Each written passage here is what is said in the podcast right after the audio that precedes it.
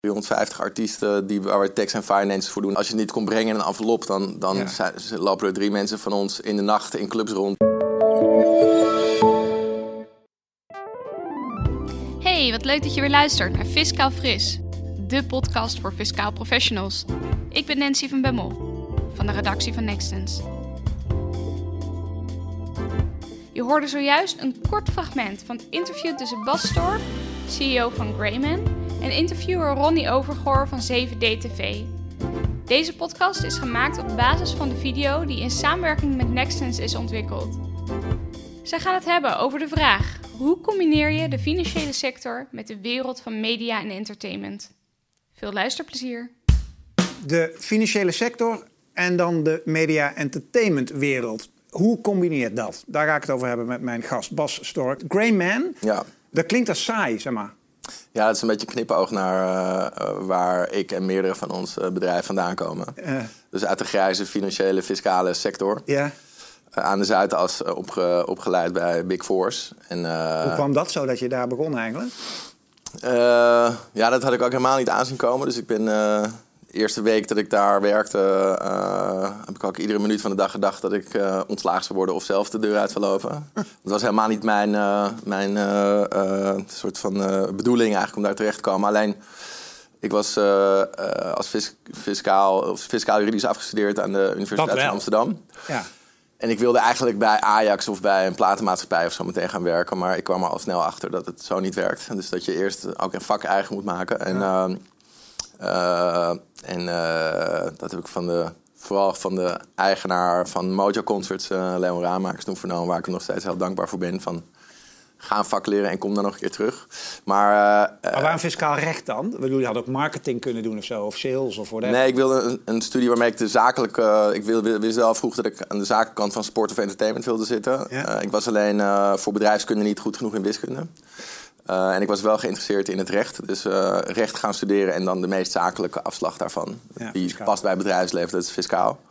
En ik kwam er dus achter dat eh, als je dat gericht op entertainment en media wil doen... want ik was afgestudeerd op de fiscale positie van artiesten en topsporters in de wereld... dat, dat, dat ja, Ernst Young was daar het verst mee. Dus die hadden een afgescheiden technologie, entertainment en media eh, sectie. Ik had nooit over gedacht dat ik daar aangenomen zou worden, maar dat gebeurde wel. Want? Nou, omdat ik zo voor mijn gevoel niet paste bij die wereld. En ook nooit een stage had gelopen of zo. Ik eh, liep stage in de nacht en niet eh, op eh, grote kantoren. Dus eh, ik had hem zelf niet aanzien komen. ik maar liep was- stage in de nacht. Ja, Ja. ja. Oh. Maar het was wel... ik snapte wel nog realistisch genoeg dat ik daar dat vak kon leren. En ik had Hoe lang heb je daar gezeten? Zes en een half jaar. Dat is best lang. Dat is best lang. En ik had er op een gegeven moment ook best wel lol in daar.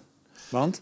Eh, ja, ik, ik, het is zeg maar, dat, het pleit ook voor zo'n Zuidas kantoor. Je krijgt wel alle ruimte om eh, als een soort vreemde eend in de bijt... eh, eh, als je maar hard je, je best doet en goed werk levert... Ja. dan krijg je daar ook veel ruimte. Dus op sommige andere dingen weer helemaal niet. Op dresscodes en dat soort dingen lagen we altijd overhoop met elkaar. Ja, moest je met pak? Ik moest in pak, ja, en ik snapte niet waarom dat handig was... als ik tegenover een DJ ging zitten of zo. Nee. Want ze zeiden altijd tegen me, ja, als je omzet genereert, dan, dan is het goed. Dus had ik zoiets van, ik maak eerder omzet voor je als je mij laat doen wat ik moet doen met een DJ. Dan dat ik in het soort eh, Ernst Young protocol moet. Nou, dus daar hadden we altijd wel wat frictie. Maar eh, ik kreeg ook veel ruimte om mijn eigen praktijk te ontwikkelen in de entertainmenthoek. En ik mocht toen veel filmfinanciering doen, wat ik heel leuk vond. Dus dat was wel een bedrijf waar je, eh, als je een plan hebt, dan, dan geeft ze je de ruimte om de dingen je eigen te maken. En is daar het concept van Greyman ontstaan om het uiteindelijk zelf te gaan doen? Eh, ja, wel door de, door de goede dingen mee te nemen. Voor wat ik wilde doen, de goede dingen van EY mee te nemen. En de dingen die ik niet vond werken eh, binnen de entertainmentindustrie. Waar ik ook tegenaan liep toen ik bij hun eh, enige jaren zat. Om die af te voeren. En Hoe heb je dat gedaan? Gewoon gezegd tot ziens en toen een kantoortje gehuurd en begonnen? nou ja, eh, nee, ik ben eerst op zoek gegaan naar partners. Die, waarmee ik dat bedrijf wilde opzetten. Want ik wilde wel een verschil maken dat, we... eh, in tegenstelling tot UI echt midden in de entertainmentwereld eh, zouden terechtkomen. Ja. Want het soort cliënten wat wij bedienen hebben ook, hebben ook bijna managementachtige aanpak nodig van ook wat wij doen, tax en finance. Eh, en daarvoor moet je er heel dicht op zitten. En om er dicht op te komen moet je geloofwaardigheid hebben. En om geloofwaardigheid te hebben moet je... Die wereld leven. Ja, precies Ja. ja. Dus dat was een beetje het gevoel en de gedachte. En, eh, Eh, en dat kan ook niet vanuit een bedrijf als EY. Nee. Gaat dat niet. Dus ik heb partners erbij gezocht die bijvoorbeeld een zat in het artiestenmanagement en een andere oprichtende partner was een entertainmentadvocaat. Die dat kuntje wat ik ging doen in tax en finance aan de civiel-juridische kant eh, een paar jaar eerder had gedaan. En, eh, maar vervolgens wel heel netjes het opgelost met eh EY. Allemaal dingen die ik had opgebouwd in mijn eigen praktijkje daar. Konden zij eigenlijk niet zoveel mee als ik weg zou gaan. Eh, omdat dat, ja, dat was toch zeg maar uit mijn netwerk gehaald. En het was belangrijk dat ik me daarmee bemoeide. Dus dat heb ik ook nog een tijd vanuit Graham in de eerste twee jaar of zo samen met EY gedaan. Een aantal accounts. eh, dat zij de compliance deden en wij de meer entertainmentadvies gerelateerde dingen. En eh, dus goede band, heel netjes opgelost met hun. Nou, ik zei heel netjes naar mij, ik netjes naar hen. Maar eh, toen wel, ja, kantoortje op de Keizersgracht. Een liniaal en een marker en een wetboek. En, en hopen dat er mensen die zeiden uit de industrie van... leuk dat je dat gaat doen en ik gun het je. Dus ik, Ja. ik kon wel aanbijen als je dat bedrijfje eenmaal hebt opgezet. En waarom een lineaal en een marker? Ja, ik ging gewoon spulletjes kopen. Omdat ik dacht ik moet toch... eh, Hey, en waar sta je nu? Eh, ja, we zijn nu, eh, eh, denk ik wel, dat is niet de officiële ranking of zo, maar marktleider in wat wij doen. Ja. Dat vind ik heel leuk. En, en werken voor de, ja, ook gelukkig voor de partij die ons team, zeg maar, het meest enthousiast maakt. En wie zijn dat dan? Wie zijn klanten? Ja, we noemen uiteraard eh, een soort van, eh, zoals dat in onze beroepsethiek hoort, geen namen. Oh ja? Nee, nee, dat kunnen Heb je niet. bij Ernst Jong of EY geleerd, zeg maar? Omdat... Ja, ja, ja, en dat wordt ook... Mag je geen enkele coole gast gewoon waarvoor je werkt qua, weet ik veel, bureau of klant of whatever mag je noemen? Eh, nee. Nee, dat hoort gewoon niet. Nee, daar zijn we best wel strikt in, ja. Maar, maar wel, we doen heel veel in de, in de hip-hop. Dat is heel erg geen opkomst. Dus Maar echt artiesten dan? Of... zowel, we hebben een artiestenpraktijk, best wel groot. Ja? Daar zitten denk ik, eh, ik denk eh, 300, 350 artiesten die, waar we tax en finance voor doen. En ook soms business management. Dat gaat nog een paar stapjes verder. Eh, en eh, dat is ja, dat, en van acteurs tot fotomodellen tot eh, producers, eh, DJ's, eh, rappers. En we zitten dan meer in de moderne stromingen van eh, muziek en film en televisie, theater dan het oude Hilversum bolwerk en de klassieke muziek. Dus hip-hop is heel groot voor ons, de dancemuziek is heel groot voor ons. Eh, film, televisie, theater is een belangrijke tak. En mode is ook een belangrijke tak. En daar doen we gelukkig niet? wel. Ja, we doen ook sport, maar iets meer onder de radar. Kunnen we het al over mode zeggen? Ja, de modewereld doen we ook, eh, dus Nederlandse modelabels, maar ook fotomodellen en eh modellen agencies en eh, dat soort dingen. En gelukkig bedienen we in die dingen waar wij, in die subsectoren waar we sterk in zijn, ook wel echt de top van de markt. Hey, en Ik dat wil soort geen namen noemen, maar het is wel. Nee, ik snap het. Ik snap, dat, wat je, ik snap het nu een beetje. Ik vind het nog jammer, maar maakt niet uit. Want die klanten, hè, dat soort types... zijn dat nou hele makkelijke klanten of hele moeilijke? Heel moeilijk, nee. maar Nee, ik kan- vooral, vooral heel leuk, maar het zijn natuurlijk eh, makers. Want het gaat eigenlijk om de wereld van makers die wij bedienen en die Ja. we ook willen bedienen. En het geldt eigenlijk voor bijna iedereen in ons bedrijf dat als we het niet voor deze wereld kunnen doen, dan zouden we iets anders gaan doen dan tax en finance. Ja, de wereld staat centraal. Ja, precies. Ja. Ja, Ja. De zakelijke kant van de creatieve sector. En daar werk je dus met makers. En dat zijn hele typische mensen maar die wij met z'n allen heel erg leuk vinden. Dus we zijn ook. Het is niet makkelijk werken. In de meeste bureaus waar onze cliënten dan vandaan komen, zijn er op een gegeven moment doodmoe van geworden. En, eh, Ja, en, de eh, wispelturigheid misschien of zo. Of wat. Want ik kan me ook voorstellen dat ze heel makkelijk zijn. Dat ze gewoon zeggen van, joh, daar heb jij verstand van. Ik snap er geen fuck van. Hier. ja, zeg maar dat je zegt, want dat is precies hoe het gaat.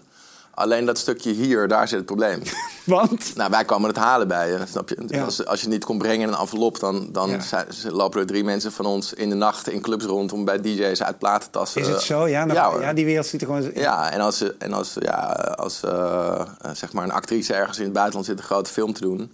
dan moeten wij met die entourage zorgen dat als er iemand weg is... eh, dat en de administratie wordt gedaan, de aangifte BTW en de het betalingsverkeer. Maar kun je dan niet beter... Doen jullie dat ook? Dat je dan gewoon het hele management naar je toe trekt? Dat gewoon de bron bij jullie begint? Je gewoon die hele shit... Nou, we hebben, wat ik net zei, we hebben een tak sinds twee jaar, dat is de Graham Business Management. En daar doen we voor artiesten zonder management of eh, aanvullend aan het bestaande management... doen we echt de zakelijke, zakelijke kant van het management. Ja. Dus we doen dan niet, eh, eh, dat doen we overigens voor artiesten zonder management wel, dat we ook contracten en onderhandelingen kunnen begeleiden. Maar het, uh, zeg maar het PA-achtige deel wat bij uh, management hoort, dat doen we niet. Dus we gaan niet artiesten uit bed halen, mee over de rode loper, nee, gesprekken nee, met familie, iemand uit een depressie halen, dat soort dingen. Dat is ook een belangrijk onderdeel van artiestenmanagement. Nou, met een goede belastingaangifte kun je iemand ook uit een depressie halen natuurlijk, toch? Ja, ja als, hij, als er wat terugkomt wel, ja, ja. Hoe complex is het, die wereld? Belastingtechnisch noem ik, of financieel? Uh, Vaktechnisch, maar. Financieel is het wat het is. Is het alleen heel belangrijk voor ons en ik denk voor ieder uh, goed advieskantoor om, om de sector te begrijpen waar iemand in werkt. Ja. dus als je voor een, voor een platenlabel werkt, dan moet je wel weten hoe het met inkomensstromen werkt en wat ja. voor timing daarin zit en waar het geld vandaan komt, of er in het buitenland rombelasting op wordt ingehouden en nog meer hele saaie dingen. Maar dus bij ons is wel vereist dat iemand die een klant aanneemt, eerst heel goed gaat lezen van snap ik wat dit bedrijf doet of wat dit individu doet. Ja. En uh, snap ik waar de geldstromen vandaan komen, et cetera. En dan is het financieel gezien is het goed te doen, zeg maar. Uh, om, ja, dan is finance is finance, zeg maar. Dan moet je voor, voor de rest goed zijn in je vak. En dus heel erg specifiek je verdiepen in, uh, in wat zo'n cliënt doet. Mm -hmm. Uh, fiscale kant is uh, helaas voor artiesten en makers wel best wel complex gemaakt, zowel nationaal als internationaal. Ja, het is een apart hoekje van de wetgeving. Ja. En voor artiesten heb je dus in nationale wetten en in het verdragenrecht heb je speciale hoofdstukken. En die zijn eigenlijk gebaseerd op de aanname dat de artiesten boeven zijn. En, en heel erg niet op één plek, hè, dus constant rondreizen. Uh, en de veronderstelling was dus heel lang geleden, toen dat soort wetgeving werd gemaakt, van je kan die beter aan de bron heffen. Dus als jij mij zou boeken als artiest, dan ben jou verplicht om aan de Belastingdienst lokaal af te dragen. Want de veronderstelling is, die artiest is een boef, die gaat toch niet zelf netjes aangifte doen. Dus het hele internationale belastingssysteem is voor artiesten en sporters overigens uh, op die manier ingericht.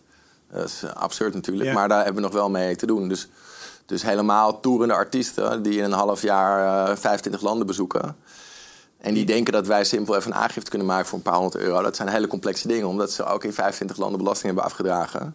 In Nederland moet je die belasting eigenlijk, uh, of die inkomsten ook weer meenemen in het wereldinkomen. En dan moet je dus zorgen dat het niet twee keer betaald wordt. Dus je moet dan ook eigenlijk 25 belastingverdragen door gaan nemen voordat je een aangifte kan maken. En, dus daar uh, wordt het wel complex. Ja, stel je bent morgen chief belastingdienst. Ja. Uh, wat zijn dan met name de hurdles die jij zeg maar, weg zou nemen? Nou, ik zou aan de artiestenkant, daar zit vooral het probleem. Uh, dan zou ik wel heel snel uh, zeg maar de, het, uh, de internationale afspraken en de individuele verdragen die Nederland heeft met de meest ontwikkelde landen in die zin aanpassen dat artiesten niet meer een speciale uitzonderingsgroep vormen, maar gewoon behandeld worden als net als an iedere andere ondernemer. Ja. Want als iemand die gewoon een ZZP'er is, in Duitsland uh, uh, een klus doet en dan weer naar huis komt... dan mag je gewoon in zijn Nederlandse belastingaangifte dat Duitse inkomen aangeven. En Ja. Duitsland doet er niks mee. Ja. Want zelfstandigen worden pas als ze een heel vaste inrichting eigenlijk hebben in het buitenland... Ja. worden ze lokaal belast. ja, ik doe dat ook met buitenlandse prestaties. Precies, ja, er is niks aan de hand. En uh, waarom, waarom zou een artiest het voor een artiest het veel ingewikkelder En waar ligt die scheidslijn tussen een ZZP'er-ondernemer en wanneer word je dan artiest? Als je bent Artiest ingeschreven bij de KVK als artiest of wat? Nee, een artiest is iemand eigenlijk. Men kijkt echt uh, naar het soort werk wat je doet. Ja. En internationaal is afgesproken door de uh, OESO, de, de landen die, uh, die belastingwetten eigenlijk met elkaar uh, creëren.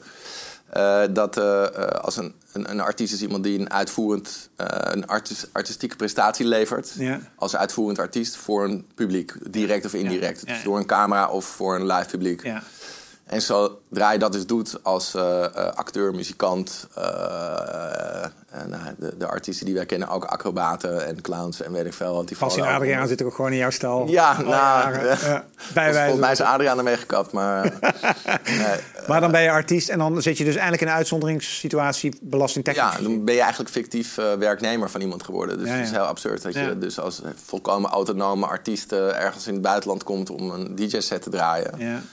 Waarin niemand jou kan vertellen hoe je dat moet doen. Nee, of dus geen geen enkele vorm van gezag in. Nee, nee, nee. Maar toch, uh, ja, als je daar 10.000 euro voor krijgt, dan wordt er vaak al uh, 2.500 euro afgedragen aan de lokale belastingdienst. Dan nog een keer uh, 20% aan het management, 15% aan de agent. En dan heb je nog allemaal reiskosten en, en kleding en weet ik veel. Dus vaak blijven van dat soort toertjes, mede door de belasting die in alle landen achterblijft, blijft best wel weinig cash over. Hmm. En dan is het aan ons dus om te zorgen dat, uh, dat, uh, dat op de juiste manier in Nederland weer wordt verrekend. Zodat uiteindelijk uh, er nog wel wat geld van zo'n tour overblijft. En dat is wat jullie eigenlijk in de kern artiesten mee helpen. Dus. Dat is een heel belangrijk onderdeel van onze artiestenpraktijk. En aan de corporate kant zit het weer heel anders. Maar aan de, in de, aan de artiestenkant is dat wel heel wezenlijk. Krijgen we ook wel veel artiesten die logischerwijs bij een adviseur zaten... die, dat, die omdat die niet gespecialiseerd is, dat Ja, daar ja, minder ja, kennis over en als je heeft. dan gaat googlen en zo, ook deze combi, dan kom je gewoon bij jullie uit. En dat is wel slim, hè? Om zo'n gewoon boom, één domein te kiezen. Ja, ja, ja de, de- we merken ook wel de kracht van de focus, zeg maar.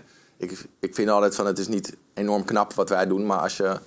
Zijn gewoon goede fiscalisten met een enthousiasme. Maar die focus, dat levert natuurlijk eh, eh, iets op. We Ja. doen dit bijna 15 jaar. Ja. En als je 15 jaar je focust op een postzegel... dan is wel de veronderstelling dat je daar beter in bent... dan eh, mensen die niet die focus En hebben jullie mede ervoor gezorgd dat die doelgroep wel zakelijker wordt dan dat die ooit was? Nou ja, wat heel leuk is, en dat merk je eigenlijk voornamelijk in de hip-hop, dat is heel grappig. dat door met ons te werken gaat wel de ondernemersknop aan bij die mensen. Ja. Dus eh, eh, je ziet ook wel een tendens nu dat, eh, dat en dat moet ook in Nederland omdat het zo'n klein taalgebied is en dus eigenlijk beperkte Ja. mogelijkheden qua inkomsten. Ja. Dat als je ze dus wakker maakt voor de zakelijke kant, wat bij ons best wel gebeurt, en, en we nemen het voor de rest eigenlijk over. Dat ze er geen zorgen over hebben, geen hoofdpijn, mooie dingen kunnen maken. Dat wel dat knopje van ondernemen aangaat. Dat ze wel denken van, hé, hey, maar eh, ik breng nu constant nieuwe artiesten aan eh, bij het label waar ik zit. Het is ook best wel leuk als ik samen met dat label weer een sublabel ga maken. En dat zij dit doen en ik de artistieke kant. En, eh, Ja. en je ziet dat. En dat vinden wij heel leuk. En dat geeft voor ons natuurlijk ook weer een nieuwe dynamiek aan het werk. Omdat we dan hebben een artiest waar we vijf jaar mee werken. Die begon als uitvoerend artiest. Inmiddels ook een eigen studio heeft of een eigen label heeft. Een kledinglijn en dat soort dingen. Leuk. Dus eh, dat ondernemerschap, dat zien we wel echt, eh, echt Ja, ontwikkelen. Ja. En ben je zelf ook artiest eigenlijk? Nee, nee. Nooit willen zijn ook? Eh, nee. nee. Ik wilde wel professioneel tennis of voetballer worden vroeger. Ja. Maar geluk bij een ongeluk kreeg ik een ski-ongeluk... waardoor ik twee jaar niet kon sporten. En toen ben ik eigenlijk de muziek ingerold. Maar meer als iemand met grote bewondering voor makers. ja. En, en gewoon gefascineerd door creativiteit en de creatieve sector. Eh, dan dat ik zelf... eh, ik heb ook altijd het idee dat, dat wij de- daarom dat we dat juist niet willen... dat we ons werk beter kunnen doen. Wij doen het vanuit eh, respect en bewondering voor mensen die mooie dingen kunnen Nou maken. ja, en je ontzorgt. En als een artiest volgens mij één ding niet kan hebben, dan is het gewoon shit in zijn hoofd. Ja, dat is precies. niet, je kan geen mooie dingen maken als je moet denken van... heb ik nou mijn deadline gemist en krijg ik een boete? En, Ja. dus, dus Mooi man. Dat nemen wij uit handen, ja. ja. Succes wat jij de komende, dagen, de komende jaren nog allemaal eh, gaat doen. En dankjewel voor dit gesprek. Dankjewel voor het kijken naar weer een aflevering eh, van The Future of Finance. eh, in samenwerking met Nextens. En als je dit een leuke video vond, abonneer je op ons kanaal. Dankjewel. Hoi. Ja, bedankt voor het luisteren. Vond je dit nou leuk en wil je op de hoogte blijven? Abonneer je dan op dit podcastkanaal of op onze nieuwsbrief. Graag tot de volgende keer.